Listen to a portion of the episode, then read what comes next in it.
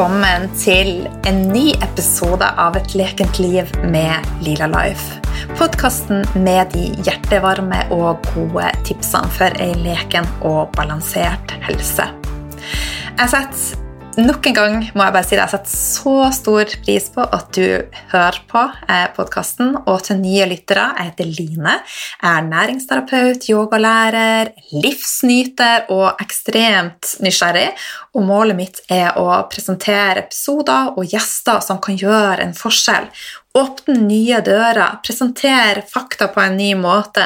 Eh, rett og slett være med å gjøre en forskjell. Der sa jeg det en gang til.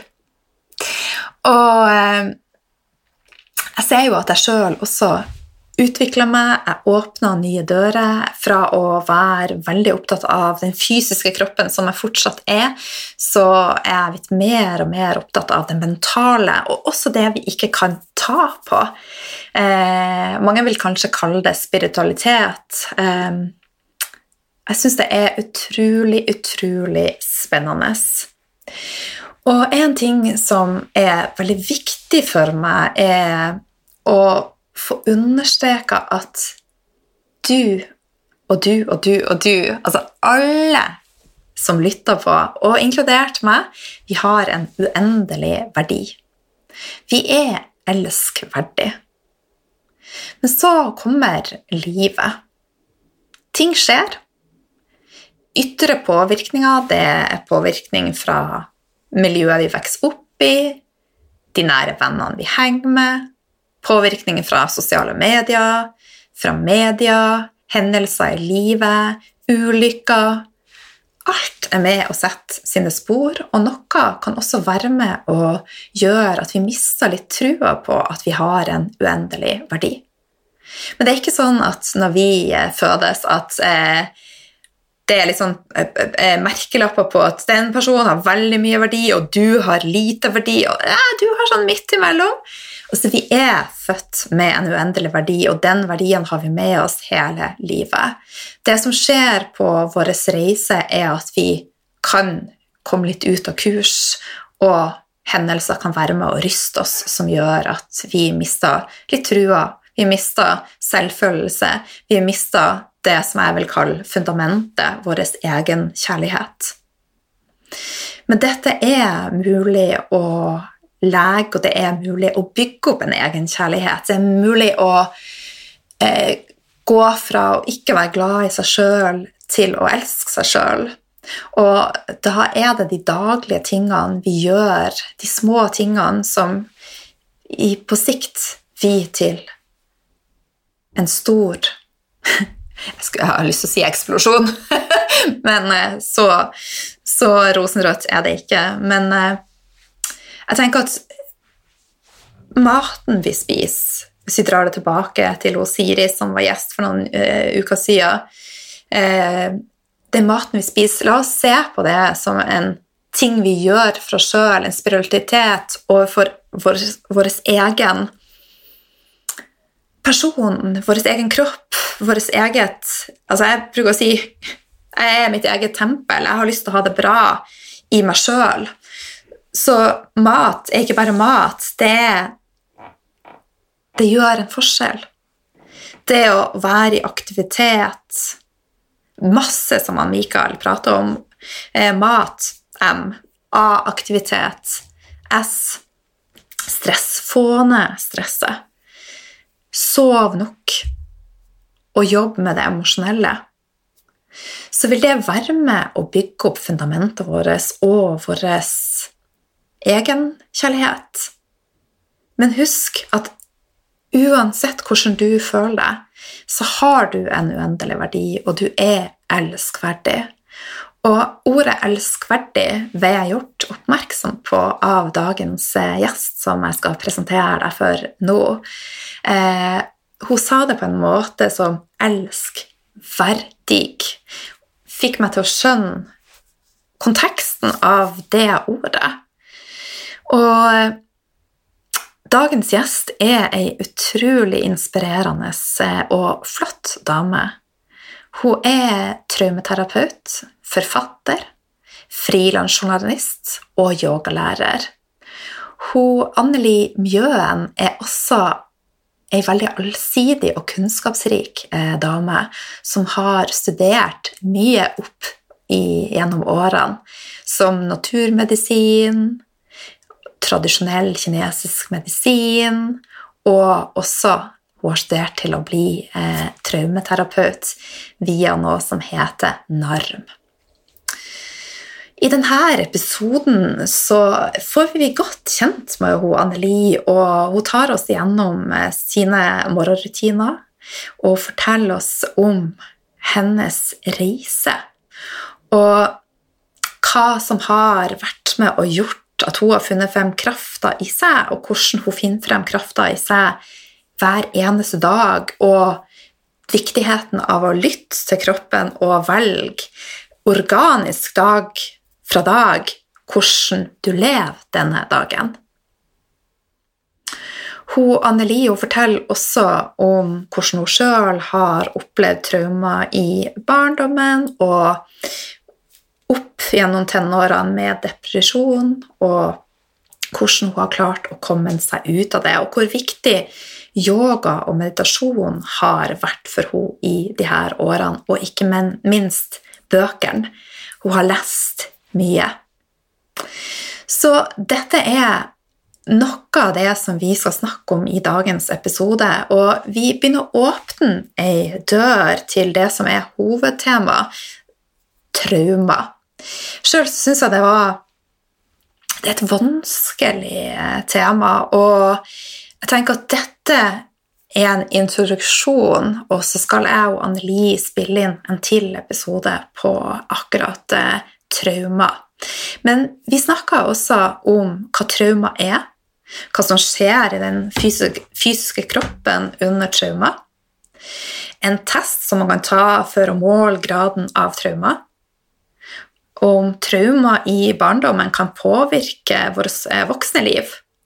Om det kan være med å prege våre valg og utforme vår personlighet. Vi skal snakke om NARM eh, og traumerespons og mye, mye mer. Jeg håper og tror at denne episoden vil treffe deg midt i hjertet. Og husk som alltid, hvis du deler episoden, så er du med å spre et viktig budskap. Og med å legge igjen eh, en kommentar via iTunes eller appen Podkast, så gjør du en stor forskjell. Så tusen, tusen takk. Og uten mer skravling, så la oss hoppe inn i dagens eh, samtale med ho, Anne Li. Hjertelig velkommen, Anne Li, til podkasten. Så artig å ha deg med. Tusen takk. Det var veldig, veldig fint å få lov å snakke med deg i dag. Du, aller først, hvordan starta du dagen din i dag? Det var et veldig fint spørsmål, fordi da kommer man rett inn i meg og mitt liv. Jeg um, startet dagen min med litt yoga i sengen, og det pleier jeg å gjøre. Og det er faktisk traumerelatert, fordi jeg gjør mange øvelser som frigjør spenning. Um, det kan jeg også finne på å gjøre hvis jeg våkner midt på natten. Mm. Så kan jeg bare begynne å gjøre de øvelsene i sengen. Og der er det jo varmt og godt og mykt, så det er et sånn ideelt sted å gjøre sånne traumefrigjørende øvelser. Um, og hvis jeg skal oppsummere det, så er det en blanding av sånne klassiske yogaøvelser og litt mer sånn risting og vugging. Mm. Så jeg kan legge meg i en stilling, og så kan jeg, hvis det kommer spontant Nå holder jo jeg mye på med det her, men da kan jeg liksom shake litt i stillingen. Ja. og, det, og, det, opplever jeg både frigjør spenning og frigjør energi. Så det er uh, litt vugging, litt Så kan det hende at jeg bare ligger og strekker og åpner kroppen. Det skjer veldig organisk og spontant. Ah. Så ingen dager er helt lik sånn starten? Og det er på en måte budskapet mitt i forhold til yoga også. For meg er ingen dag lik, og derfor så behandler jeg hva skal Jeg si, jeg møter alt med den derre når, når, jeg sier organisk, så mener jeg at det er delvis noe som skjer spontant. Man utforsker. Mm. Så det det er helt uh, veldig fint at du sier det. Så gjør jeg litt ildpust. Um, Det gjør jeg for å få i gang eh, energien i magen og nyrene, som vi sier i tradisjonell kinesisk medisin. Det er området i korsryggen. Eh, det kan være hele bekkenet på en måte, da. Og den nedre delen av kroppen. Litt ildpust får energien i gang for meg. Varmer opp litt. Og gjør at jeg får lyst til å stå opp. Ah. Det er, det, min, det er min kaffekopp, på en måte. Det er, Ja. Det er noe, ja. Og så når jeg eh, får kommet meg opp, så pleier jeg å gå med en gang og gjøre sånn oil pulling. Jeg vet ikke om du, du, kjenner, du kjenner sikkert til det, for du holder på med yoga. Altså. Jeg tar rett og slett en liten skje med olje, og så går jeg og skyller munnen mens jeg gjør andre ting. Mm. Og så etterpå drikker jeg masse varmt vann, og så har jeg en sånn feet up. Ok. Eh, ja. Eh, man må absolutt ikke ha det for å gjøre det samme, men jeg er veldig veldig glad i å være opp ned. Så den står midt på stuegulvet. Så noe av det aller første jeg gjør når jeg har stått opp, er at jeg Det er som en sånn litt avlang, polstret krakk med håndtak som jeg kan gå opp i. Og så får jeg løst opp spenninger på innsiden av beina, og så får jeg skapt det jeg kaller lave skuldre. Fordi når man henger med hodet ned i det hullet i midten, det er et hull i midten, så blir det masse avstand mellom skuldrene. Man får nakken får ikke bare strukket seg, men den får hengt. Mm. Så det er helt fantastisk for å, for å løse på spenninger. Jeg har prøvd en sånn, men jeg har ikke det sjøl, så eh, ja, den er ganske kul. Ja, eh, og hvis man ikke har en feetup, så er det like bra å bare legge seg på en tykk matte. Det pleier jeg å gjøre etter at jeg har jo en tenåring, så jeg har en del sånne mammaoppgaver. Så det, det er jo en nydelig praksis, kan jeg si. Ja. Det er en sånn ehm, eh, Det handler om å få tenåringen av gårde med mest mulig god følelse. Altså la være å bli trigget, da. Eller sånn bli Mm.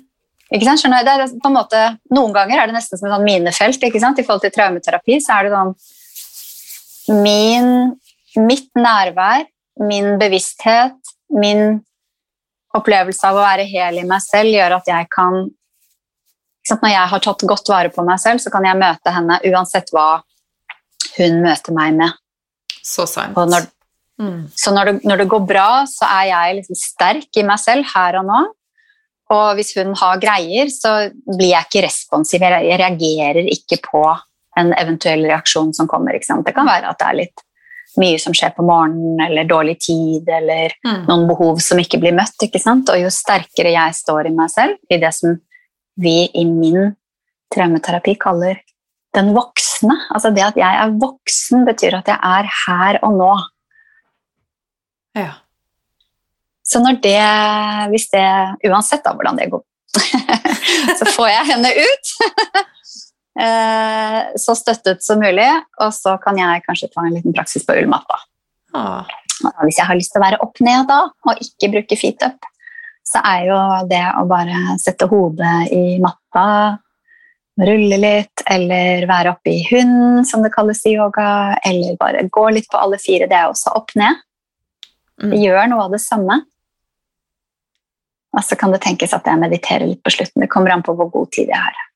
Jeg er litt sånn jeg er så opptatt av at alt skal være rolig på morgenen, men jeg kjenner at jeg kanskje må bli litt tøffere og ta tak i og, og gjøre litt øvelser også.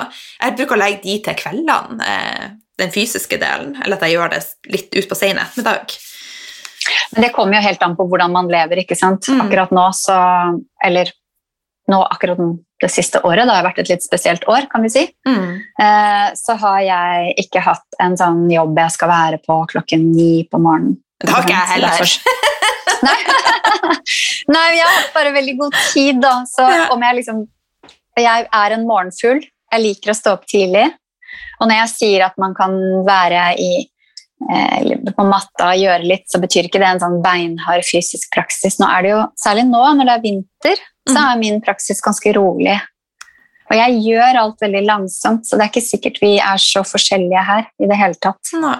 Jeg er opptatt av at det skal være rom for å puste, og det er vanskeligere å finne den der kraften til å stå i seg selv Mm. hvis ting er litt hektisk eller går litt for fort. Så alt det her er egentlig sånn steg for steg, pust for pust, rolig. Ja. Det høres kanskje ut som jeg putter inn mange ting her, men jeg gjør egentlig ikke Nei, det. Det er ganske det mye plass til meg selv. Så det hørtes ut som en fantastisk start på dagen. Så eh, ja, veldig, veldig herlig. En frokost og sånne type ting, spiser du litt ut på dagen, eller? Jeg, eh, akkurat nå og de siste årene, så har jeg eh, prøvd å ha sånn intermittent fasting, som det heter. Så jeg spiser ikke frokost, og det er egentlig i henhold til yoga, eller ayurveda, Mhm. og i og for seg eh, tradisjonell kinesisk medisin også, så er det hvis man eh, drikker mye vann, f.eks., og kanskje noe annet. Jeg drikker jo litt sånn hvetegress og sånn. Varmt vann og hvetegress er jeg veldig glad i om morgenen. Mhm. Så er jeg egentlig ikke sulten ja, før jeg har kommet litt utpå. Kanskje sånn 11-12-tiden eller noe sånt. Der er vi Hvordan? ganske like. Ja. ja. Men forskjellen på meg og deg er at jeg er ikke noen morgenfugl, så er vi veldig ikke misunnelige, men jeg har et stort ønske om å bli en større morgenfugl. Jeg øver på det. Ja, vet du hva? Og jeg tror faktisk ja, Det har vært min teori hele livet, og det er ganske mange som etter hvert har bekreftet den teorien min. Mm. Og det er det at vi ikke bare er laget som A- og B-mennesker, men at det handler veldig mye om vane. Og der er jo ayurveda og tradisjonell kinesisk medisin veldig sterkt inne, med en teori om at vi egentlig alle er morgenfugler. Hvis vi kommer oss i seng tidlig nok, ikke sant? sånn at det handler om hel, en slags helhetlig dynamikk. da. Mm. Og hvis man sover litt for lenge i forhold til konstitusjonen sin, så er det litt vanskeligere å stå opp. Altså Man blir trøttere hvis man står opp senere. Det tror jeg stemmer, faktisk. Så det, I Ayurveda så heter jo det sant, disse tre konstitusjonstypene. da. Sant? Hvis man sover inn i kaffatiden, som er liksom etter syv, åtte, ni, så blir man veldig slapp og trøtt. Mm. Mens, eh, ja. Men igjen, da, hvis man er glad i å være oppe på kvelden, så blir det jo mye vanskeligere Ja. å stopp tidlig. Sånn er det bare. Ja, sånn er det. Men du, dette er jo første gangen du gjester podkasten, og eh, jeg og du vi har jo chatta mye på Instagram, så jeg føler at jeg kjenner deg sånn litt. Eh, men jeg har lyst til å bli bedre kjent med deg, og jeg vet lytterne også har lyst til å bli bedre kjent med deg. Så fortell oss litt om deg sjøl, om de reiser, og hva som har fått deg dit du er nå i livet. Mm. Det er jo litt eh, spennende, syns jeg. Jeg tenker at det er litt spennende for lytterne. At jeg faktisk deler litt om min personlige reise. Så er det jo så stort, da, så det er den balansegangen mellom å dele litt Ikke bruke hele tiden til å snakke om det. Men eh, jeg, jeg vokste opp med mye traumer. Det har jeg lyst til å si. Mye uro Mm. og mange alvorlige eh, traumer. Jeg hadde også en fantastisk barndom på den måten at det var veldig vakkert der hvor jeg bodde, det var mye natur, jeg hadde veldig, veldig mye frihet. Um, sånn traumerelatert så er det litt interessant, fordi jeg husket mye mindre av alle de gode tingene når jeg vokste opp og ble ung voksen og voksen. Men etter hvert som jeg har bearbeidet det vanskelige, så har også alt det gode kommet. Så nå har jeg et helt jeg pleide, Før så pleide jeg å måtte halvveis spøke litt og si at det er aldri for sent å få en god barndom. Men med det så mener jeg at etter hvert som vi heler, så kommer også alle de gode minnene, for de er ofte der, gjemt sammen med det som vi kanskje skyver litt inn i glemselen.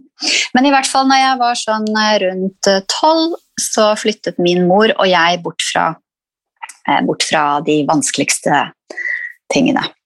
Um, og det interessante da var at sant, den gangen så var det ikke vanlig å ha oppmerksomheten på barns traumer. Nei. Sant? Det var ikke sånn Det var jo knapt altså Det var jo veldig lite bevissthet rundt dette her, for det første. Og for det andre så var det jo ikke bare bare å gå i terapi heller. Det fantes rett og slett ikke det tilbudet i nærheten av det vi har nå. Og heller ikke det at det vanskelige må bearbeides. Så det ble liksom bare skjult, og så fortsatte det i det skjulte. Mm. Det skal jeg si litt mer etter hvert. Eh, si litt mer om etter hvert, fordi det er jo normalt at barn um, Altså, de holder jo ting skjult for å beskytte omsorgspersonene sine. Og så er det jo et mønster, så man fortsetter jo bare å holde det skjult. Så da hadde jeg i de årene etterpå hvor ting ble mer fredfullt, så hadde jeg masse, masse symptomer på traumer. Og en hel del forskjellige ting som jeg gjorde, som vi kan kalle overlevelsesstrategier, og også sånne litt sånn Ja, rett og slett um, Mønstre som jeg hadde for å cope, for å håndtere. Ja. Um, og parallelt med dette her så har jeg alltid praktisert yoga. Å ja, fra du var Eh, liten? Fra jeg var helt liten. Uh, Det er litt mystisk hvordan jeg begynte med det. Det vet jeg egentlig ikke. Vi hadde jo veldig mye bøker, og jeg var sånn lesehest. Det var liksom min, min overlevelse i barndommen, var å bare lese og lese og lese. og lese. Jeg bare bodde inni bøker hele tiden. Oh. Om det er derfra, eller kan jo leke med tanken om at jeg nesten hadde det med meg. Det var min go-to hele tiden. Det var å gå inn i det kroppslige, og det tror jeg også har vært redningen min på mange måter. Mm. At jeg har vært så fysisk, for det er veldig vanlig at man heller stenger av for kroppen og flykter opp i det mentale, f.eks. Mm. Og at det er vanskeligere å access, altså komme inn i kroppen senere. Mens jeg gikk inn i en fysisk praksis og bevegelse. Så det jeg husker best fra barndommen min, er at jeg ligger på gulvet og gjør masse som jeg i dag vet er yoga. Så jeg gjør en masse, masse, masse øvelser. Og jeg holdt på med pusteøvelser. Jeg hadde jo mange problemer med, eller mye problemer med lungene mine og pusten. Mange, så jeg var, måte, var mye syk, da. Eh, Jeg hadde astma, sånne ting. Og det at jeg gjorde masse pusteøvelser hele tiden, lekte med pusten, det er jo også en Så, viktig del av min fascinerende. Ja, så jeg begynte jo å hele meg selv allerede da, mens jeg var i ting. Det er jo faktisk ganske spesielt og fascinerende. Og dette har jo vært en del av denne eh, hva skal jeg si, dobbeltheten i meg. da. At jeg har vært så våken på en måte, og også så selvregulerende og helende hele veien, samtidig som jeg har hatt denne vanskelige situasjonen. da. Mm. Eh, og så lærte min mor meg å meditere. Når jeg var eh, rundt 14, hadde jeg mye problemer på skolen. Det er jo helt normalt når det er mye traumer og mye indre stress. Så er det eh, Det er ikke 100% sånn eller sånn. Jeg har folk som har levd under enormt stress og press, som har en fantastisk hjernefunksjon. Det er på en måte én én vei, én strategi. Man blir veldig veldig god i det mentale. Kanskje han, og det er vanskeligere å ha kontakt med kroppen. Um, for meg var det vanskelig å konsentrere seg. Mm. Så det var kanskje sånn det startet. Vi, hadde, vi flyttet jo, og så hadde vi vårt eget meditasjonsrom. Og jeg la merke til at når min mor kom ut av det rommet, så var hun en annen. Hun gikk liksom inn som én person, for jeg så kanskje liksom veldig tydelig ikke bare liksom kroppen og uttrykket, men på en måte hele henne, da, livskraften. Så når hun kom ut derfra, så så jeg en helt annen person. Så jeg ble jo veldig nysgjerrig på hva som skjedde der inne. og så husker jeg ikke Det har vi ikke snakket om, faktisk. Om det var, jeg tror det var hennes forslag at jeg skulle lære å sitte litt for å prøve å konsentrere meg bedre før jeg skulle gjøre lekser og sånn.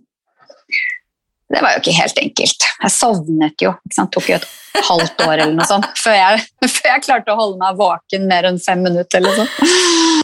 Jo, men jeg syns uansett at du skal ha kred for at du faktisk begynte med det i tenårene. De, de fleste vil jo Jeg- være i motstand. Ja, jeg skjønner ikke altså, Men jeg, jeg tror at jeg hadde, såpass, hadde det såpass vanskelig Ja. at jeg eh, grep det som en sånn halmstrå. Mm. Kanskje. Og jeg var nysgjerrig, som sagt. Jeg var nysgjerrig på hva det var. Som...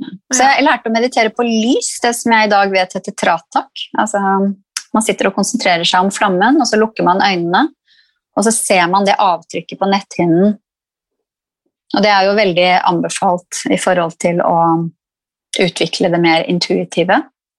Mm. Jeg er anbefalt i forhold til å i det hele tatt klare å konsentrere seg om et indre senter. Veldig beroligende, søvnbefordrende. Altså Om min mor var bevisst på de tingene, det er jeg ikke klar over. Om hun bare brukte det selv som teknikk. Antageligvis hadde hun lært det selv, for hun gikk i lære da, forskjellige steder, eller særlig et sted. Um, men det var bare helt midt i blinken for meg. Ja. Så etter hvert når jeg greide å sitte der lenger, så fikk jeg resultater. Jeg ble roligere. Antageligvis så påvirket det søvnen min på en god måte.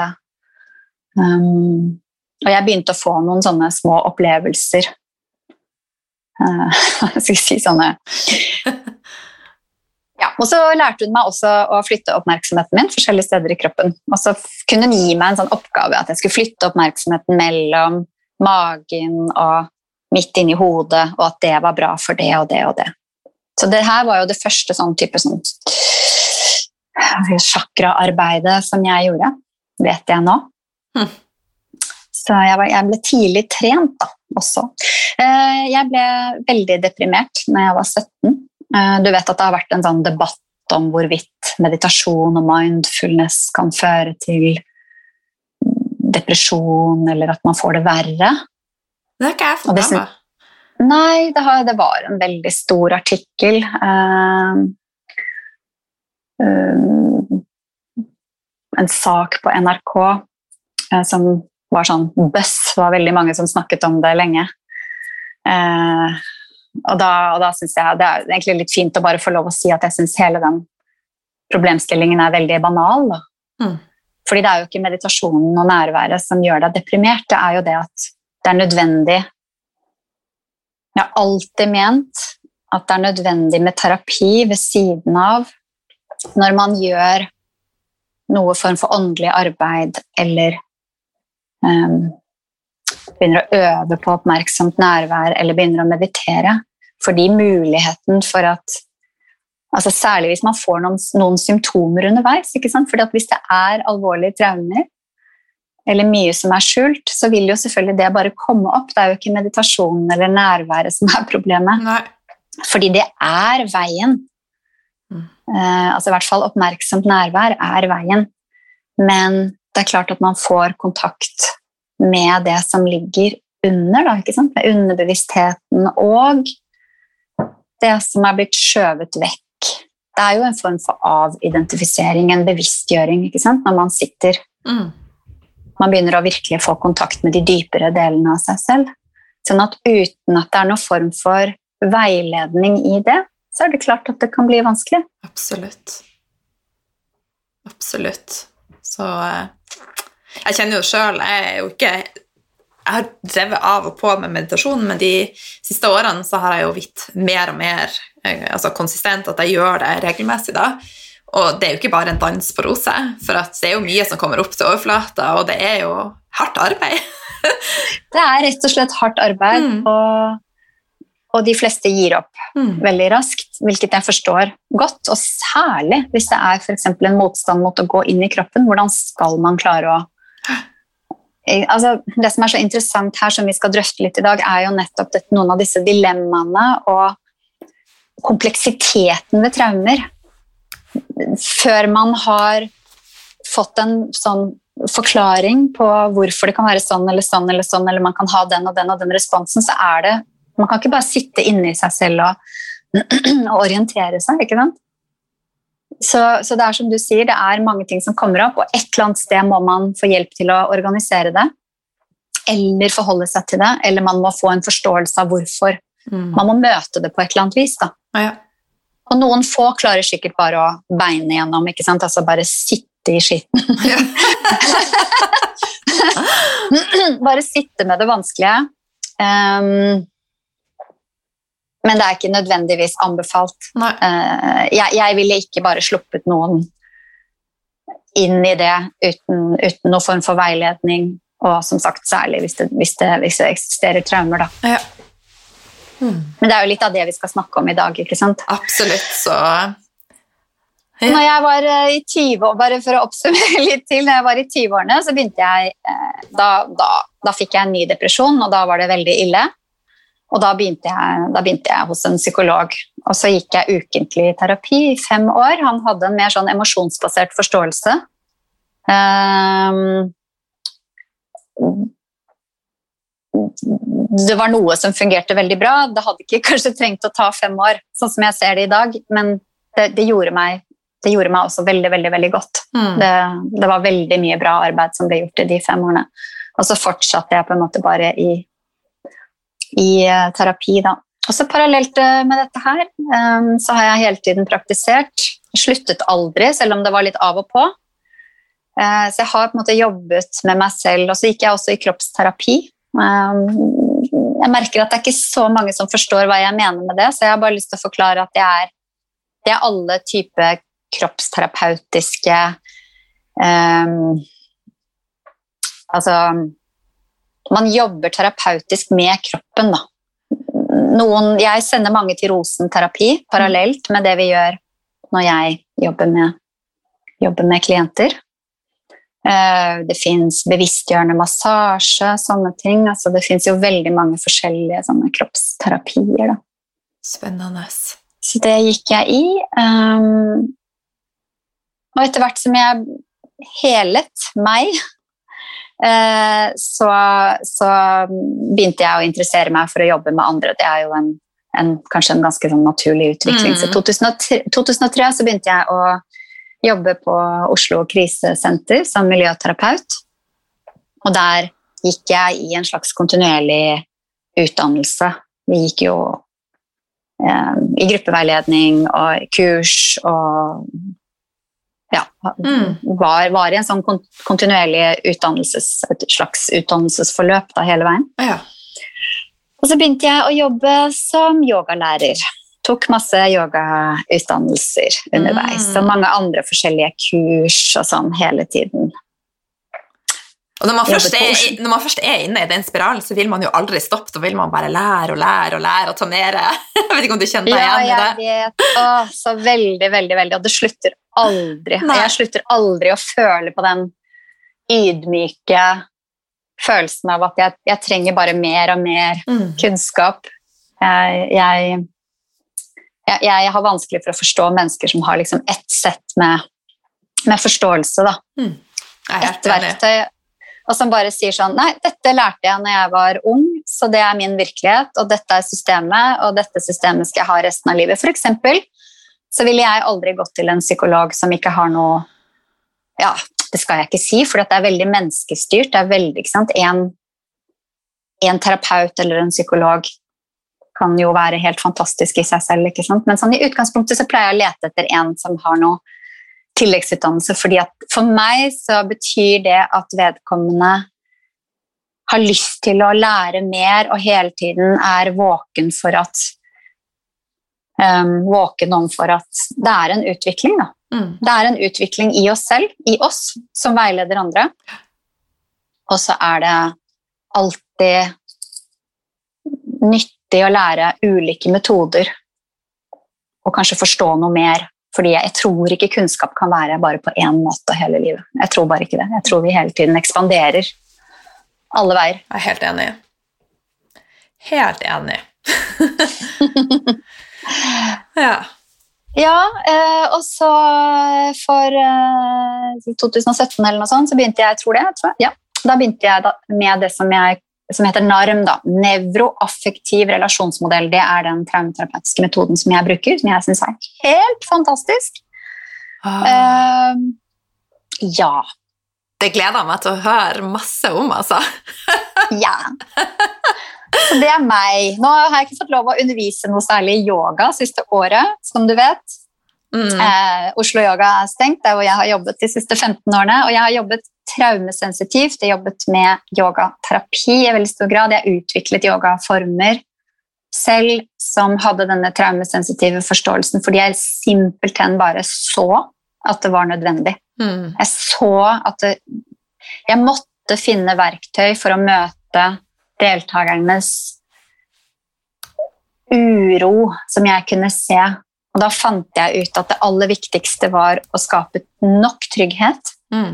I alle som var i rommet, til at de kunne få kontakt med seg selv, og der, dermed kontakt med meg. Altså ikke meg som person, men det vi kunne skape sammen i det rommet. Så trygghet, og så kontakt. Mm. Og det var, det, det var det, på en måte det helt essensielle som jeg hele tiden spurte meg.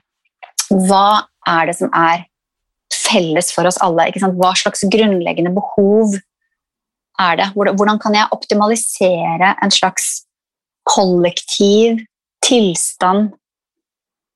Og, det ble helt sånn det, var helt sånn som jeg kunne ta og føle på etter hvert. Ah. Og da, og da kom det nærværet. Da kom den der, det kollektive nærværet som bare skjedde i rommet. Så graden, Og da handler det om hvert ord som jeg bruker. Er det det ene ordet eller den setningen, skaper det mer trygghet og kontakt? Eller skaper det mer avstand, mer fragmentering? At man går inn i prestasjon eller opp i hodet? Ikke sant? Man mister kontakt med kroppen hvis man blir usikker på noe. Mm. Så ingenting av ordene mine skal, skal høres ut som man, noen må prestere noe, eller at det handler om vinkling på den armen. Det handler om kontakt med den armen. Kjenne. Hva skjer hvis jeg tar armen litt ned? Hva skjer hvis jeg tar armen litt opp? Hvor er det aller best? Hvor er det mest flyt? Mm. Helt sånn veldig utforskende, veldig organisk. Og så kalte jeg det holistisk yoga og organisk yoga for å Hørtes utrolig fint ut. Det er veldig fint. Det er veldig godt. Og det er et veldig godt rom, og det er en, en, en veldig god og trygg stemning Har som vi skaper sammen, da. ja, det har jeg lyst til å være med på en gang når vi har fått tilbake normaliteten. Ja, det vil jeg veldig gjerne. Det må du veldig gjerne gjøre. Du kan bare komme og, og, og vi gjør det sammen, ikke sant? Det er jo ikke sånn Jeg sier alltid at ok, nå er det kanskje jeg som leder denne gangen, men vi leder hverandre. Ja. Det er et, felle, et felles prosjekt da, Mm. hele tiden. Ja, Ja. så det var meg. Litt Ja. om meg. Men du, du har, vi har jo allerede eh, kommet inn på at trauma er hovedtema i dag. Kan du mm. aller først bare forklare hva trauma er, og hva som skjer i kroppen eh, ja, under trauma? Det der er heller ikke noe lite spørsmål. Men jeg kan begynne med å si at traumer betyr, altså det ordet betyr sår. Ah, Ja. Så vi kan tenke oss alle slags sår. Vi kan ha fysiske traumer, mm. altså det vil si skader. Det er også et traume.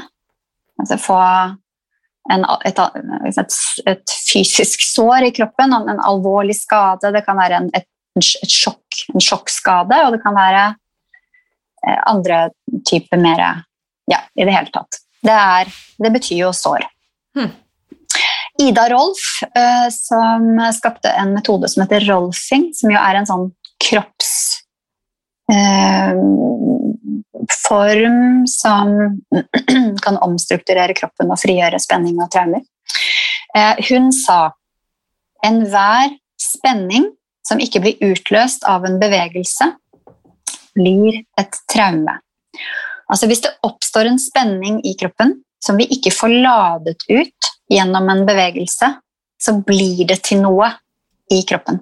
Og hun kaller det traume. Mm. Så vedvarende spenning. La oss si at du faller da veldig sånn hardt og brutalt på gaten, Mm. og så spretter du opp igjen og tar deg sammen. Det kommer, kanskje det er noen folk rundt, ikke sant? det har jo skjedd meg. Du bare spretter opp igjen, og så kommer det folk, og så sier du ja, det går bra, det går bra. Og så liksom drar du deg selv sammen, skjerper deg, det kanskje gjør kjempevondt, og så bare går du bortover. Bare stivner bevegelsen isteden. Da er sannsynligheten for at det som skjedde i kroppen, blir en skade, et traume, mye større enn hvis du faktisk blir liggende og venter på å se hva kroppen har lyst til å gjøre. Det er jo utrolig vanskelig hvis man faller om på gaten, for det er, det er skamfullt og det er I know. upraktisk! Altså, du skal ikke bare ligge der, ikke sant? Men hvis du, fall, hvis du faller altså, ja, Bedre eksempel. Jeg falt på isen. Uh, falt på isen for noen dager siden. Mm. Ganske hardt. Jeg falt på siden, og så ble liksom all kraften slått ut av ble sånn kjempevondt. Mm. Og fordi jeg har lært dette her, så spratt jeg ikke opp. Jeg lot meg selv bli liggende på isen så lenge jeg kunne. Så jeg lot meg selv ligge der, og så prøvde jeg å lytte til hva kroppen hadde lyst til å gjøre for å få ut det sjokket, for det var faktisk et det føltes virkelig som en sånn fysisk sjokk gjennom hele kroppen. Mm. Og så kjente jeg at hoften min var veldig vond, så jeg begynte å riste på hofta og riste på beinet. Og så kjente jeg noen følelser som kom. og Jeg, bare liksom lot meg selv rulle med det som hadde skjedd. Og så etter en stund så kjente jeg at ja, nå kan jeg begynne å bevege meg litt. Grann, og så selv om jeg kjente at jeg var litt ute Jeg hadde fått et ganske godt slag mot hodet også. Mm. Så tror jeg at det at jeg gjorde det så langsomt og så sant mot meg selv, gjorde at jeg kanskje ikke ble mye mer alvorlig skadet enn jeg kunne blitt. Det er et sånt eksempel på Mm. et, denne, denne spenningen som Ida Rolf snakker om. Da. Som vi må løse ut gjennom en bevegelse. Jeg lærte noe nytt. Altså selv når jeg krasja nå i høst, det første jeg gjorde, det var jo å hoppe opp og bare komme meg ut av bilen. Og, og ja, det er ikke mye bak... Ikke, hm? Ja, du krasjet i bil. Ja, ikke sant? Det kan jo være veldig alvorlig. ja, ja, det, var, nei, det var den responsen som du snakka om. Jeg bare hoppa opp og ut og ja. Så eh, Og det, og det kan også være et sjokk. ikke sant? Hvis Mm. du har fått et ordentlig slag, så kan det sjokke, det som vi kaller et sjokktraume Vi definerer gjerne mellom f.eks. sjokktraumer og det vi kaller utviklingstraumer. mm, Og et sjokktraume gjør jo at vi får adrenalin, og da kan responsen være veldig rask. Og, ikke sant? Det kan, og, og da er det ofte vanskeligere etterpå. Gir det mening? ja, ja, absolutt. Det overbyr det kroppen egentlig har behov for, med masse sånn action og Mm, da er det vanskeligere. Da kan det sitte mer i kroppen og mye lenger. Og man sier jo f.eks. hvis man eh, får eh, en hodeskade, da. Altså at man får eh, ja, Nå står det helt stille for meg, husker jeg plutselig ikke hva det heter. det går fint. Eh, ja, men du vet, du vet når man får eh, Hvis man slår hodet Hjernerystelse. Ja! Det var, var ikke vanskeligere enn det. Jeg trodde det var Nei, et sånn var- latinsk navn du var på utkikk etter. Nei, det var ikke noe avansert. Eh, hvis man får hjernerystelse, så, så er det ganske kjent at hvis man er for aktiv altså jo, jo, jo mindre aktiv man er rett etter hjernerystelsen, dvs. Si jo lenger du ligger stille, jo mindre du beveger deg, jo mer du hviler osv., jo mindre alvorlig blir hjernerystelsen. Mens hvis du bare kjører på, kanskje du ikke vet at du har fått hjernerystelse engang, eller du er full av adrenalin, eller du ikke har muligheten til å hvile, så blir det ofte veldig, veldig mye lenger. Mm. Og mye mer alvorlig. Man kan jo slite veldig. Ja. Mm. Så hvile er viktig generelt i livet. Den derre riste, vugge, utløsningen av spenningen er viktig, og hvile. Selvfølgelig er hvile viktig. Og hvis man har særlig utviklingstraumer, så kan hvile være vanskelig, og det må vi vite. Vi må vite at det er ikke bare å be noen om å hvile hvis de har levd med langvarig stress i kroppen, som ikke er helt uvanlig når man vokser opp. Mm. Så det er jo veldig mange ting som ikke alle tenker på som traumer, som vi som jobber med det, uh, definerer som traumatisk. Hvis man ehm, i, NARM, min metode, så kaller vi det overlevelsesstrategier. Det er det jo sikkert mange andre som kaller det også. Når vi har behov som ikke blir møtt Mm. når vi vokser opp, så får vi jo mer kronisk stress.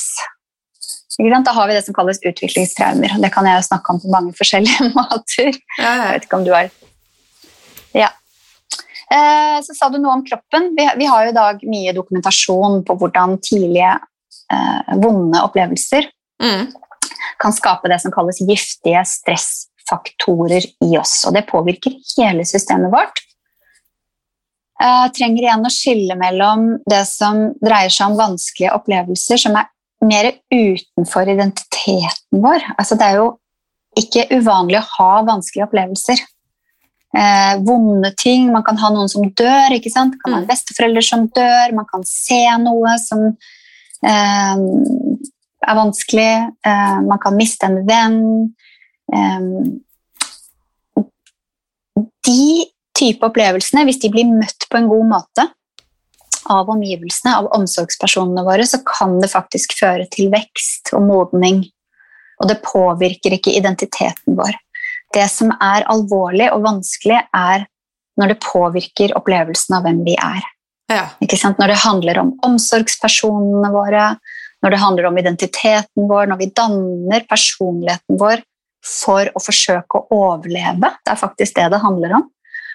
Eh, fordi at Når vi er barn, så er vi nødt til å klare oss. Vi klarer oss ikke uten omsorgspersonene våre. Vi klarer oss vi er nødt til å tilpasse oss. ikke sant? Hvis vi har behov som ikke blir møtt, så er alle barn alltid villige Mm. til å tilpasse seg for å beskytte omsorgspersonene. For de, de må det. Mm. Så det valget vi har når vi er voksne, det har vi ikke når vi er barn. Nei. Så når det påvirker oss på, en så, på et så dypt plan at det dreier seg om utvikling av personlighet og identitet, så kan det sette Da er det svært antagelig at det setter dype spor i hjernen og kroppen vår. Mm. Um, Som vi kan dra med oss resten av ja, vår eh, tid hvis vi ikke får eh, jobba med det. Ikke sant? ja, Mm. det, det er veldig mye vi kan gjøre. Uh, det er veldig mye vi kan forstå, bevisstgjøre Mm. og endre. Uh, noe vil selvfølgelig være der. Vi vil gjerne ha noen mønstre med oss, men vi kan lære å komme rundt de mønstrene og forstå og bevisstgjøre og hele tiden øve på å kanskje håndtere ting på andre måter. Ja. Men igjen, det er i um, Dette er jo et amerikansk uttrykk, eller et engelsk uttrykk, da, fordi at dette er jo fra uh, ikke oversatt eh, litteratur, men det er noe som heter ACE score, Mm. som er en sånn test. Det betyr Adverse Childhood Experiences, som kan oversettes med Det har jeg oversatt, og nå husker jeg ikke helt hva jeg oversatte med, men, men det, ja, det handler egentlig om, om så type sånn dype, vanskelige opplevelser, ikke sant? Ja. Um, og det er en test man kan ta. Det er jo selvfølgelig mye som ikke står på den testen, så vi skal ikke på en måte tro at vi vet hva som skaper disse traumene. Um, men den er nyttig å ta. Det er bare Det er på en måte Det er noen spørsmål, og så er det en del oppramsninger da, innenfor de spørsmålene. Har en omsorgsperson når du vokste opp, uh, gjort det eller det eller det eller det, eller det ikke sant? Gjort, fått deg til å føle deg liten eller avvist altså, ikke sant? Mm. eller vært voldelig, eller ikke sant? Så kan man teste, og så beregner man på en måte ACE-score, hvor mange poeng man får, hvor mange ganger man svarer ja på de spørsmålene. Og det kan si Jeg vet ikke hvor nyttig det er, men det kan si litt grann om grad av traumer i oppveksten. Da. Og kan hvem som helst ta denne testen, og eventuelt hvor finner man den? Den ligger ute på nett. Ja, ok. Det er bare å google ACE score, så vil du helt sikkert finne den. Ehm, Jeg kan eh, Eller raskt det vi kan gjøre, for jeg kommer til å lage et blogginnlegg på dette, så da finner vi eh, Mhm. linken, og så legger vi den eh, med. Så kan Ja, de som er Det er kjempebra. mm. Så eh, Og det er veldig fint. Eh, Det kan være greit å lese bitte lite grann om ACE score først, og det ligger helt sikkert også på nett, så at man kan bare lese litt sånn Det fins Dette og dette står kanskje ikke der. Dette har gjerne en relasjon til posttraumatisk stress, PTSD. mm. Eh, Men det er viktig å forstå, og dette er litt viktig for meg også, det er viktig å forstå at det er veldig mange flere faktorer og andre måter eh, dette kan gi seg utslag på. Ja. Man, kan, man kan få en mye større variasjon av fysiske, emosjonelle og mentale konsekvenser. Um, sant? Posttraumatisk stress er på en måte en diagnose, så, så det er ikke der vi er helt. Men vi bare, for, vi bare forstår det på en mye større måte, at disse opplevelsene skaper noen responser i oss Mm. som vi tar med oss videre. Ja. Ja. Så, eh, de traumene som vi får eventuelt i barndommen, de kan påvirke, påvirke oss i vårt voksne liv. Og da har du fortalt litt om, men er det mer å si der, og kan det eventuelt være med å, å påvirke personligheten vår? Og, ja. ja. Absolutt, absolutt. Det er det det gjør. Um, altså det danner vår personlighet på den måten at det påvirker det synet vi har på oss selv, det vi kaller identitet. Mm. Kjerneidentitet, identitet.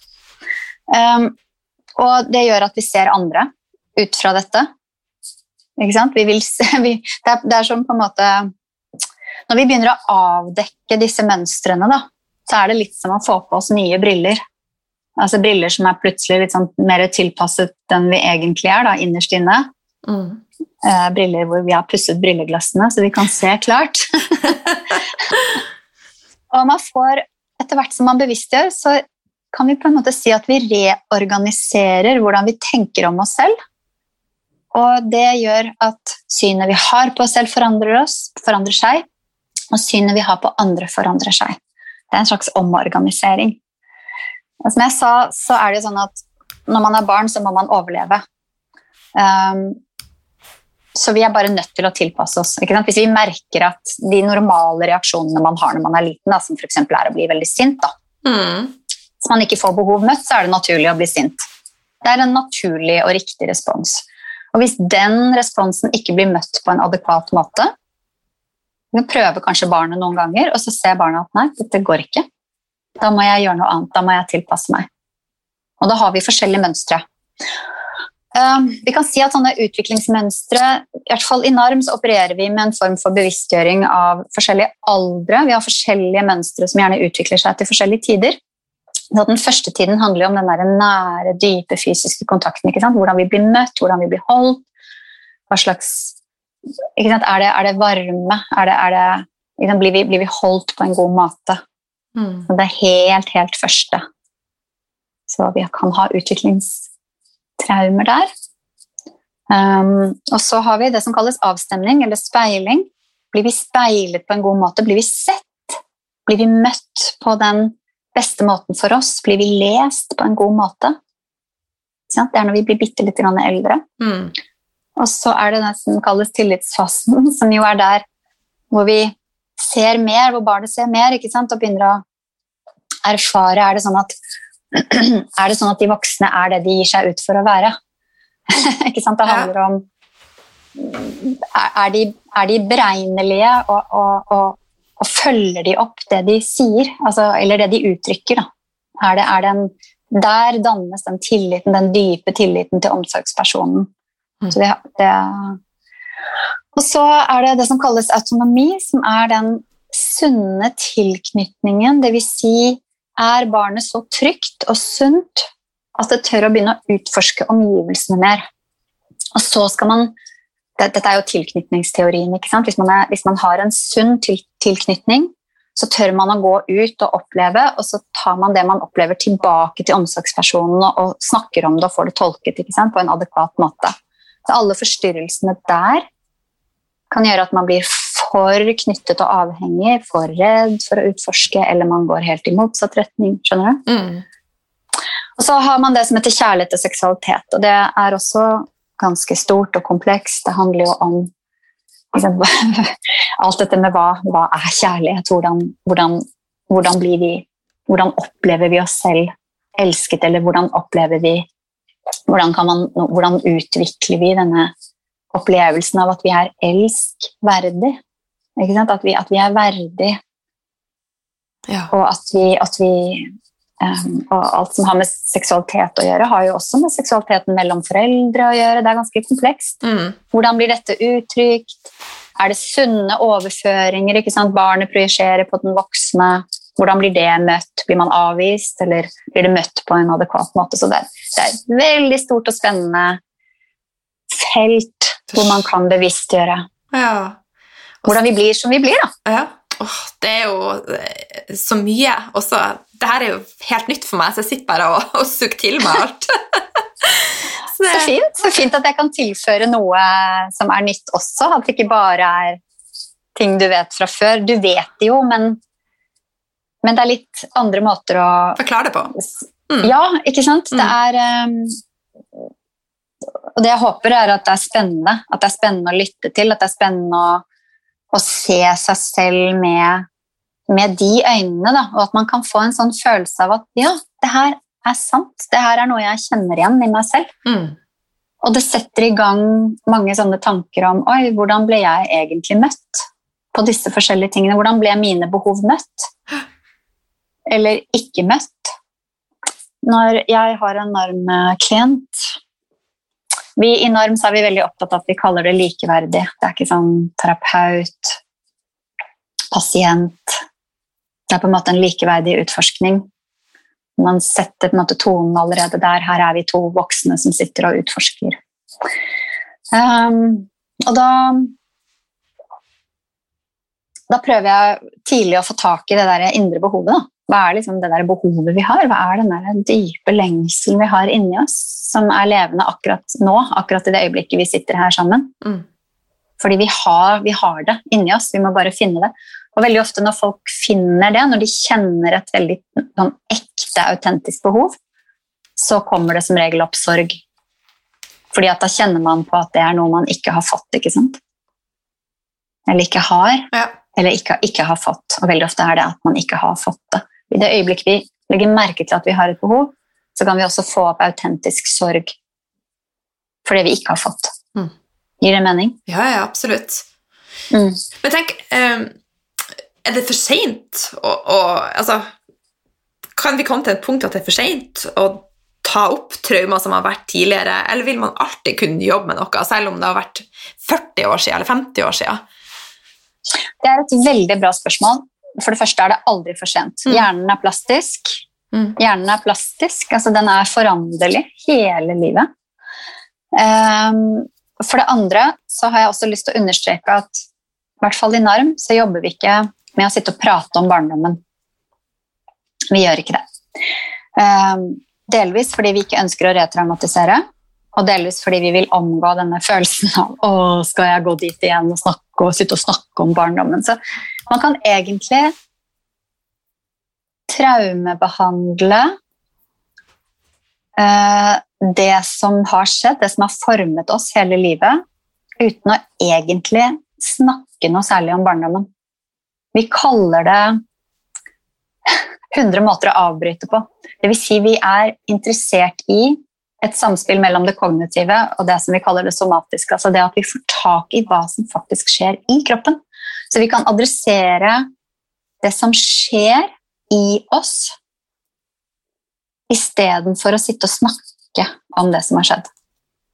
Det, det er en signifikant som, forskjell der. Høres helt fantastisk ut. Altså, I min sånn, uh, healingsreise fra spiseforstyrrelser så eh, ble jeg jo sendt til psykologer, og jeg syns faktisk det var en pest og en plage å skulle fortelle om min oppvekst og ja, grave i sårene som du refererer til her, da. Eh, det, det, gjorde meg bare verre. så, det er det veldig, veldig mange som sier, mm. og nesten alle som kommer til meg, har sagt det samme. Mm. Det er jo særlig ungdommer, barn og ungdommer som blir sendt til um, ja, det er det ene. ikke sant? Altså sånn, det er vanskelig nok. Mm. Man blir sendt i terapi som man ikke har bedt om, og eh, ikke møtt på behov, men hvor man skal da sitte og grave i det vanskelige. Mm. Og så når man blir voksen, eller ung voksen, så er det det samme. Man snakker, og det er klart at hvis jeg sitter og snakker om noe som har vært helt forferdelig for meg, så gjenopplever jeg det jo. Mm. Jeg gjenopplever det, og så blir man sendt ut etterpå. Helt sånn åpen, altså såret bare, Det er som sånn plaster som bare blir revet av. liksom. Såret er åpent, og så Ok, da ses vi neste uke, da. Ja. altså um, Jeg tror det er veldig mange Jeg bare må si det, at jeg tror det er veldig mange, særlig private psykologer, eh, som har Som jobber annerledes i dag. Eh, og, og, hvis det føles sånn, hvis det føles som om man bare kommer og river av plasteret og åpner såret, og så blir man sendt ut, da må man finne noen andre. Ja. Rett og slett. Det er det jeg vil Helt si klart. om det, Helt uten klart. å kritisere noen. Um, det anbefaler jeg virkelig ikke. Og det er det fordi det er det som kalles en retraumatisering. Det ønsker vi på ingen måte, og jeg ville aldri sendt noen ut eh, som ikke er i det vi kaller den voksne, som er organisert i her og nå og i sin egen kraft og styrke. Mm. Det skjer ikke. Mm. Ja, det... betyr ikke at man, ikke, man, man, kan, man, kan, absolutt komme i kontakt med vanskelige ting, men vi har en måte å gjøre det på som, som virkelig fungerer. Ja, så bra. Ja. Men Kan du fortelle litt mer om hvordan du da jobber med å bearbeide eh, traumer, altså du hjelper andre til å bearbeide traumer? Vil du fortelle litt mer om det? Altså systemet du bruker? Um, ja, det kan jeg godt si litt om. Det er helt klart best å oppleve det, men det handler om å Som jeg sa identifisere. Mm. Jeg, for, jeg, forstår ganske mye ganske raskt. Jeg stiller noen spørsmål, og med en gang jeg legger merke til at klienten er i kontakt med noe, så avbryter jeg, og så undersøker vi om det er mulig å få kontakt med noe inni kroppen. Altså somatisk. Mm. Og da er jeg ikke ute etter noe spesielt. Det er veldig viktig å si. Jeg, det er noen som da kanskje tror at de må si noen ting, eller at de må eh, reflektere på en bestemt måte. Jeg, jeg, sørger for at de forstår at jeg, jeg, krever ingenting av det. Det handler bare om å Det kan være og, og, og, ut fra det som klienten da erfarer, så forstår jeg noe. Jeg vet at dette kanskje høres litt ullent ut, men det jeg mener, er at jeg, jeg utforsker ut fra den informasjonen jeg får. Og det som kanskje ikke klienten ser som informasjon, det ser jeg som informasjon. Mm. Det, ok, Et eksempel. Det er bedre å bruke et eksempel. Ja, du sa Dis, ja, Disassosiering, eller at man distraherer seg selv. Hvis noe er veldig vanskelig Vi er på en måte i utkanten av traume. Og så, hvis det er noe som blir for vanskelig, så vil klienten falle ut. Den vil rett og slett disassosiere. Den vil plutselig ikke huske. Det kan være sånn ja, 'Nå husker jeg ikke hva jeg snakket om'. Eller eh, f.eks. miste litt kontakten med kroppen, og nå ble jeg litt svimmel. Eller, Alle sånne ting er tegn på at man er for mye i kontakt med det som er vanskelig. Man, dette er jeg, er veldig, jeg er veldig opptatt av å forklare og støtte distraksjon. Så jeg prøver aldri å tvinge inn en prosess. Distraksjonen er en viktig beskyttelse. Så det at man forsvinner bort fra noe eller distraherer seg selv, og nå mener jeg liksom all form for distraksjon, mm. det, det, støtter jeg, og så forklarer jeg at dette her er noe du har gjort for å beskytte deg selv, for å ta vare på deg selv. Så uansett hva man gjør av sånn type symptom Altså for å håndtere symptomer, da. Det er beskyttelse. Så jeg vil aldri fjerne beskyttelsen. Tvert imot. Det som skjer etter hvert, er at livskraften eh, blir eh, sunnere og sunnere, kan du si. Altså den naturlige prosessen i kroppen, den naturlige dynamikken i kroppen og hele systemet vårt eh, begynner å regulere seg selv. Med narmspråk så snakker vi om, kaller vi det å gå fra fragmentering til organisering. Det vil si at det som er masse sånn Det som kan virke som bare en haug med forskjellige symptomer, mm. det blir etter hvert klarere og klarere. Det, organiseres. Og det skjer i nervesystemet også. Mens man føler seg kanskje splittet og delt og litt her og litt der. og Man disassosierer veldig lett, man faller ut. Man eh, har mange ting man gjør for å distrahere seg selv hele tiden bort fra det vanskelige. Telefon, TV Yes, now you're thinking! Det er veldig bra. Alt, alkohol, alkohol. Altså, man, folk, noen drikker for å tåle livet, noen ja, Alt det der som du sa. Mm. Det, er, det, er, faktisk veldig mye traumer som er gjemt i de helt vanlige tingene som vi gjør, mm. for å slippe å kjenne etter i oss selv. Og Det er bare det at det å kjenne etter på den måten er veldig fint å gjøre sammen med en eh, sammen med f.eks. en som meg, da, fordi at det ene er at vi gjør det sammen. Mm. Jeg er veldig opptatt av at kontakten mellom oss bevares hele veien. For det er jo igjen noe av denne dynamikken og prosessen. ikke sant? Så jeg observerer hele tiden. Når er det ekte kontakt, og når er det f.eks. en forced, altså en sånn tvungen kontakt man prøver å det er, det er, forskjell på å se inn i øynene og virkelig føle at det er kontakt der, og det at klienten kanskje tror at han eller hun må sitte og stirre meg inn i øynene. skjønner du? Ja, skjønner. vedkommende kan være til stede eller ikke til stede og fremdeles ha blikkontakt. Mm. Så alt dette her er noe jeg observerer, og så veileder jeg gjennom det. Og så skjer det en hel masse ting i nervesystemet underveis. Mm. Noen ganger så er de veldig klar over hva som har skjedd. Og ganske ofte så sier de 'jeg aner ikke hva som skjedde, men jeg føler meg ti ganger bedre'. Så herlig. Eh, men eh, la oss si da at man ikke har mulighet til å Sånn som nå, så er det jo ingen som kan reise, altså i hvert fall veldig begrensa. Eh, Ja. Vi har ikke mulighet til å, å, å besøke Anneli eller andre som jobber med dette. Spørsmål nummer én, vil du si at alle har traumer? Og spørsmål nummer to, hvordan kan vi bearbeide det da uten å oppsøke hjelp? Finnes det metoder? Ja, ja, ja. Mm. Eh, har alle traumer? Det kan jeg jo ikke si Nei. at eh, alle har. Kan du ikke? Eh, ja. Nei, jeg, kan- jeg, jeg, har ikke, jeg har ikke belegg for å hevde det. Eh, og, jeg, og jeg tror absolutt at noen har trygge, gode, tilstedeværende omsorgspersoner som støtter hele veien. Mm. Flere enn jeg tror, håper jeg, for det er klart jeg ser jo veldig mye av det andre. Eh, man kan også ha gode, velmenende voksne og fremdeles oppleve traumer. Ja. Altså, det kan være skilsmisse, det er mange ledd i en sånn prosess som ofte kan føre til indre stress for et barn. Det kan være, altså, Kommer man gjennom skolen uten å oppleve traumer? Jeg vet ikke, jeg synes det ser... Altså, jeg tenkte plutselig sånn, jeg reflekterer mye rundt det her, da, for jeg har jo barn selv. Eh, og jeg ser jo at de skoleflinke barna de holder seg jo mer unna trøbbel. De får kanskje mindre av de der eh, mer dramatisk Altså, er jo ikke det noen regel heller. Men de kan jo ha det derre flinke syndromet, ikke sant?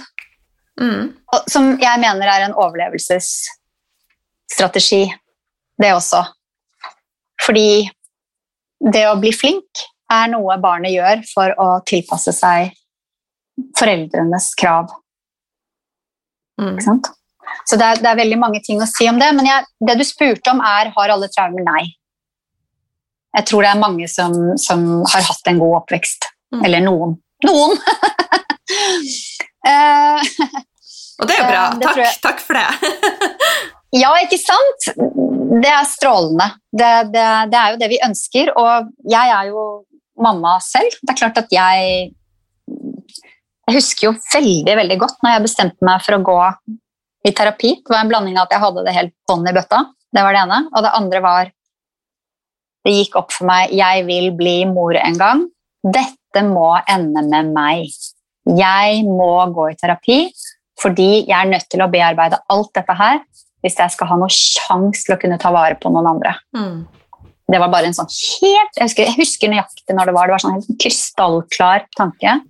Jeg, kan, jeg skjønte at jeg ville overføre mine egne sår på barnet mitt hvis ikke jeg gikk inn og bearbeidet hardcore. Så det var nesten Jeg hadde ikke lyst til å jobbe med egne traumer, ikke sant? så det var nesten en større tanke det at jeg en eller annen gang skulle kunne ta vare på en annen, enn at jeg måtte, bare, at jeg måtte jobbe med meg selv. Mm.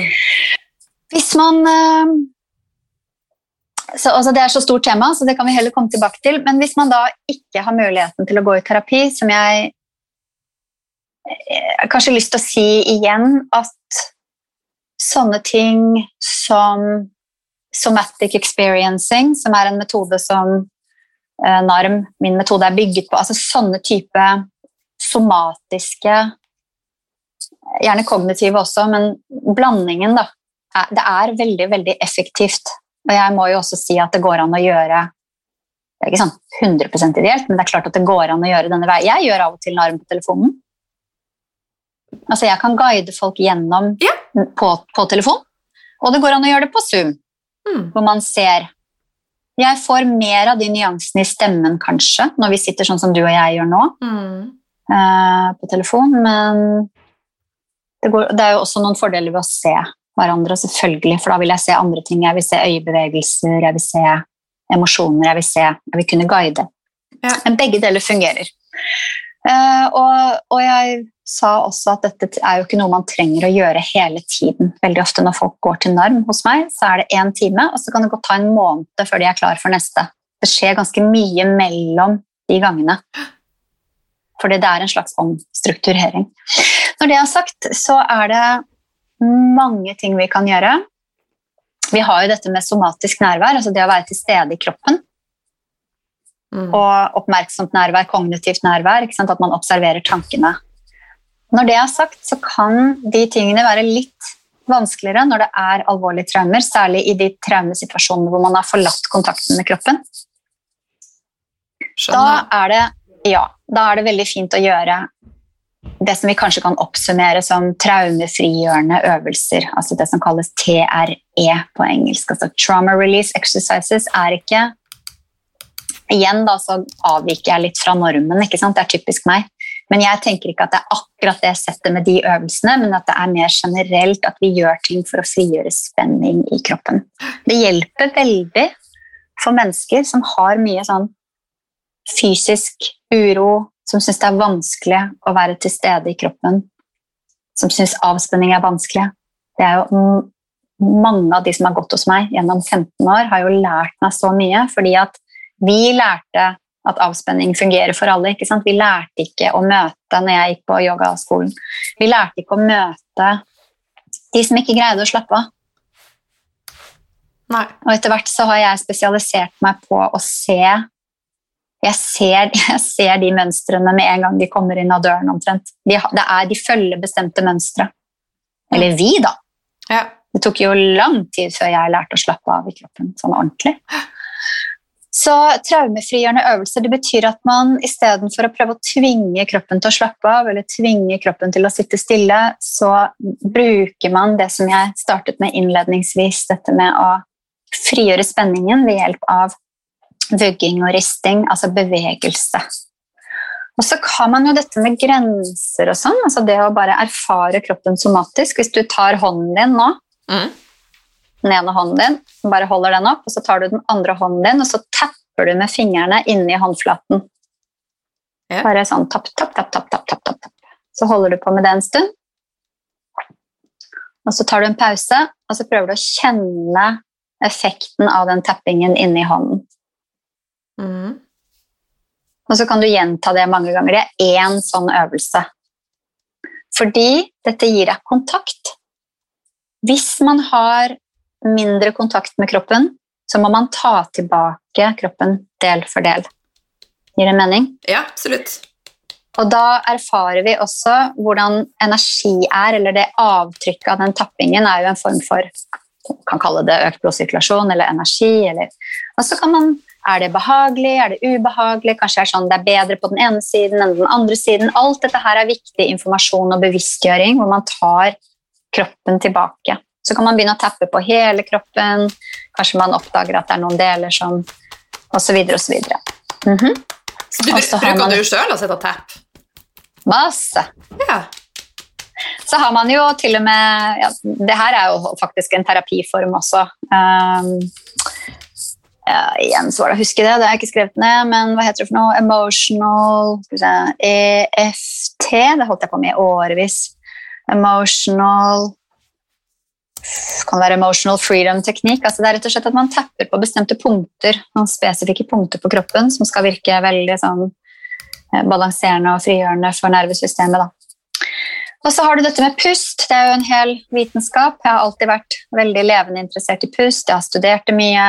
Mm. Opptatt av hvordan ulike pusteteknikker kan frigjøre på, på ulike måter. Eh, noe kan trigge litt hvis man har mye traumer. så Det må man kunne. Og så er det andre pusteøvelser som kan virke veldig effektivt. Det er litt kunnskap, og så er det litt erfaring. At man bare må prøve seg frem.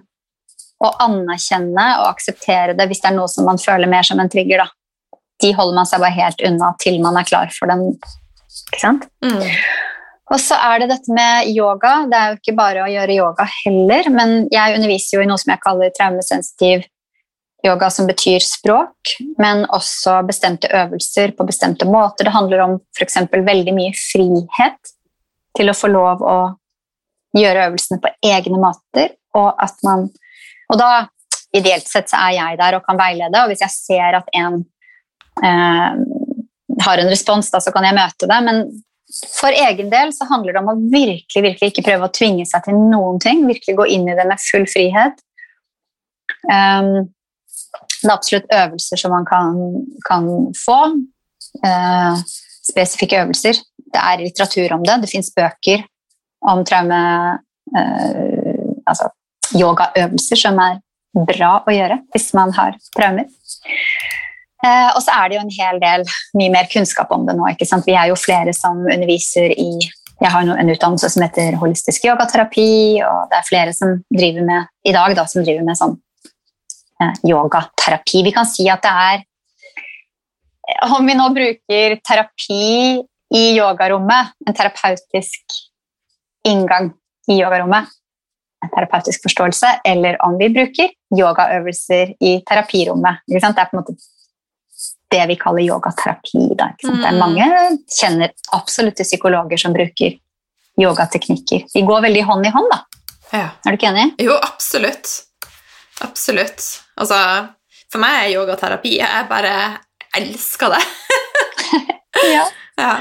Jeg vet, hvor, jeg vet, ikke hvor, mange ganger jeg har vært i yogarommet og opplevd en sånn, både en innsikt og en eller annen form for fysisk frigjøring hvor jeg kjenner at det er noe som forløses. I de tidlige årene så begynte jeg jo slett ikke eh, sjelden å gråte, f.eks. Men var sånn, veldig sånn god, forløsende gråt ofte. Noe, noe, spenning som ble frigjort et sted i kroppen, et gammelt traume et eller annet sted hvor det hadde mm. vært noe som har blitt lukket ned, da, som plutselig bare kan forløses. Mm.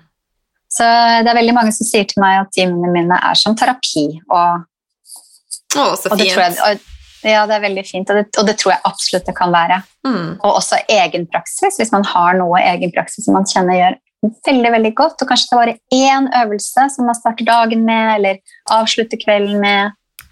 Uh, denne øvelsen gjør meg godt, den forbinder meg med meg selv, eller kanskje skaper noen form for trygghet, eller frigjør noen spenninger, så er jo det virkelig veien å gå. Mm. Mm. Dette er jo, som du sa innledningsvis, et veldig stort tema og veldig, veldig spennende. Eh, og eh, jeg har fått så mye gode tips, og jeg har en følelse av at vi er nødt til å ta dette til et neste nivå. At vi er nødt til, nødt til å spille en episode til. Hva tenker du? ja, gjerne det. Ja. Det, er, eh, det, er, veldig mye mer å si om det, og kanskje, kanskje den neste episoden kan handle enda mer om eh, ressursorientering og hva vi kan gjøre, og mm. eh, det er mye mer å si om det, og, og mer om liksom, forståelsen av den, den reisen. Ja. Den prosessen gjennom og, og videre. Mm. Og, og, skjønne litt mer av dette med traumeresponser. Hva er det som er traumeresponser egentlig? Hvordan kan vi lese oss selv? Og så hadde du mange fine spørsmål om den, eh, det, å, det, å, forstå seg selv og, og, forstå andre, og hvordan øver vi? Det er jo særlig i relasjonene mellom mennesker. At vi ser at vi har ikke alltid blitt møtt på den beste måten, for det er det vi tar videre inn i relasjonene våre. Så vi sier jo, Grunnen til at vi kaller det nevroaffektiv, det er jo nervesystemet, og så er det det emosjonelle, det affektive, det at vi blir berørt og eh, emosjonelt aktivert. Eh, også relasjonell modell, fordi at det er i møte med andre mennesker at vi merker at noe kanskje er litt utfordrende. Mm. Eh, det kan være særlig til de aller nærmeste, barna våre. Hvis vi har barn litt enklere med dyr. ja. Dyr har vært en berikelse, også.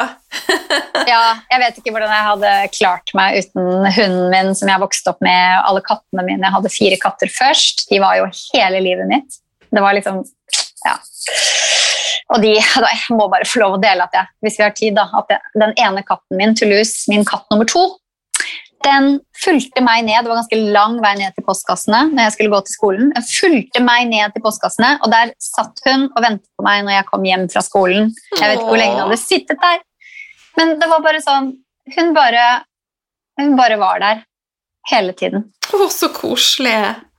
Ja, det er helt, helt merkelig og fantastisk. Og de lå i sengen min nå. ikke sant? Altså, det var på en måte en sånn enorm kilde til, til heling hele veien. Jeg, jeg, er ikke så sikker på om det er vi som gir bare vi som gir kjærlighet til dyrene. Jeg tror de, de kan føle hvordan vi har det, og jeg tror de gjør så mye regulering. De kommer jo til oss ikke bare for å få kos, men også for å Jeg tror liksom at de sanser og, og, gir til oss hele tiden. Mm. Og, hun, og, hunden min som jeg hadde, og ja. ja nei, men dyr er veldig fint, altså. Veldig fint. Man må, man må, ikke, man må ikke, ha barn heller, ikke sant? Altså, er, man er jo, jeg tenker at man er forelder ja, hvis, man har, hvis man har et dyr. Mm.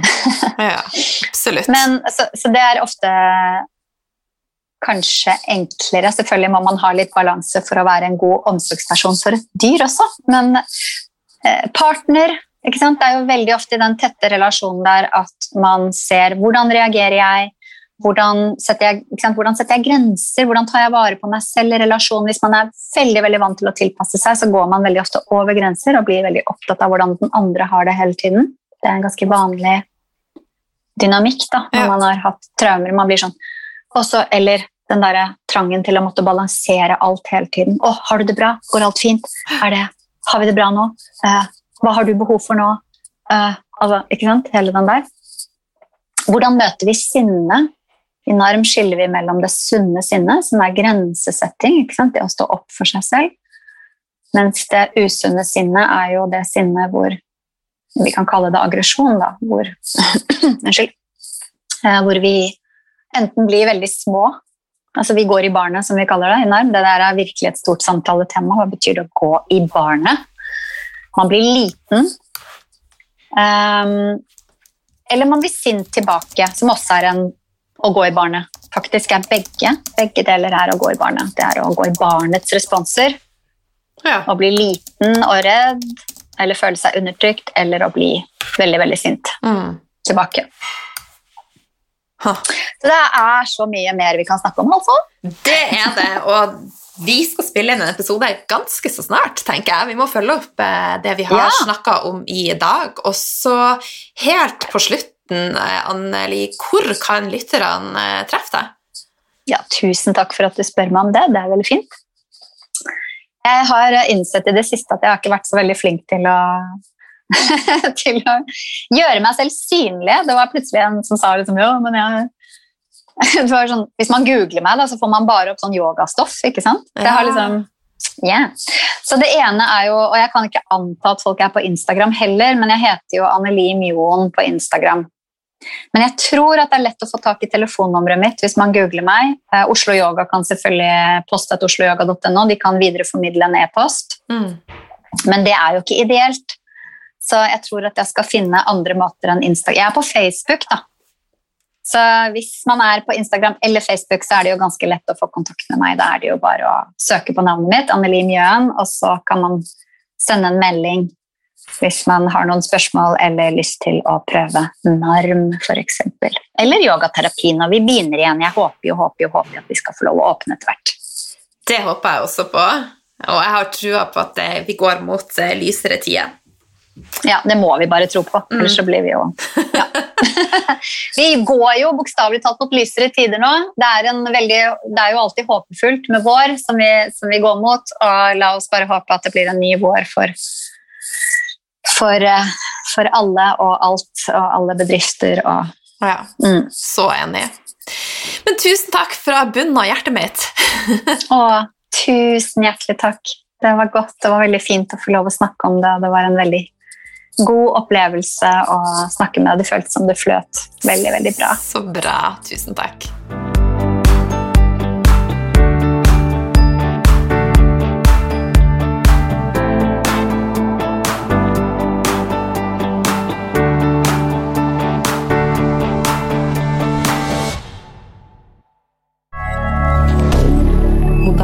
D'accord.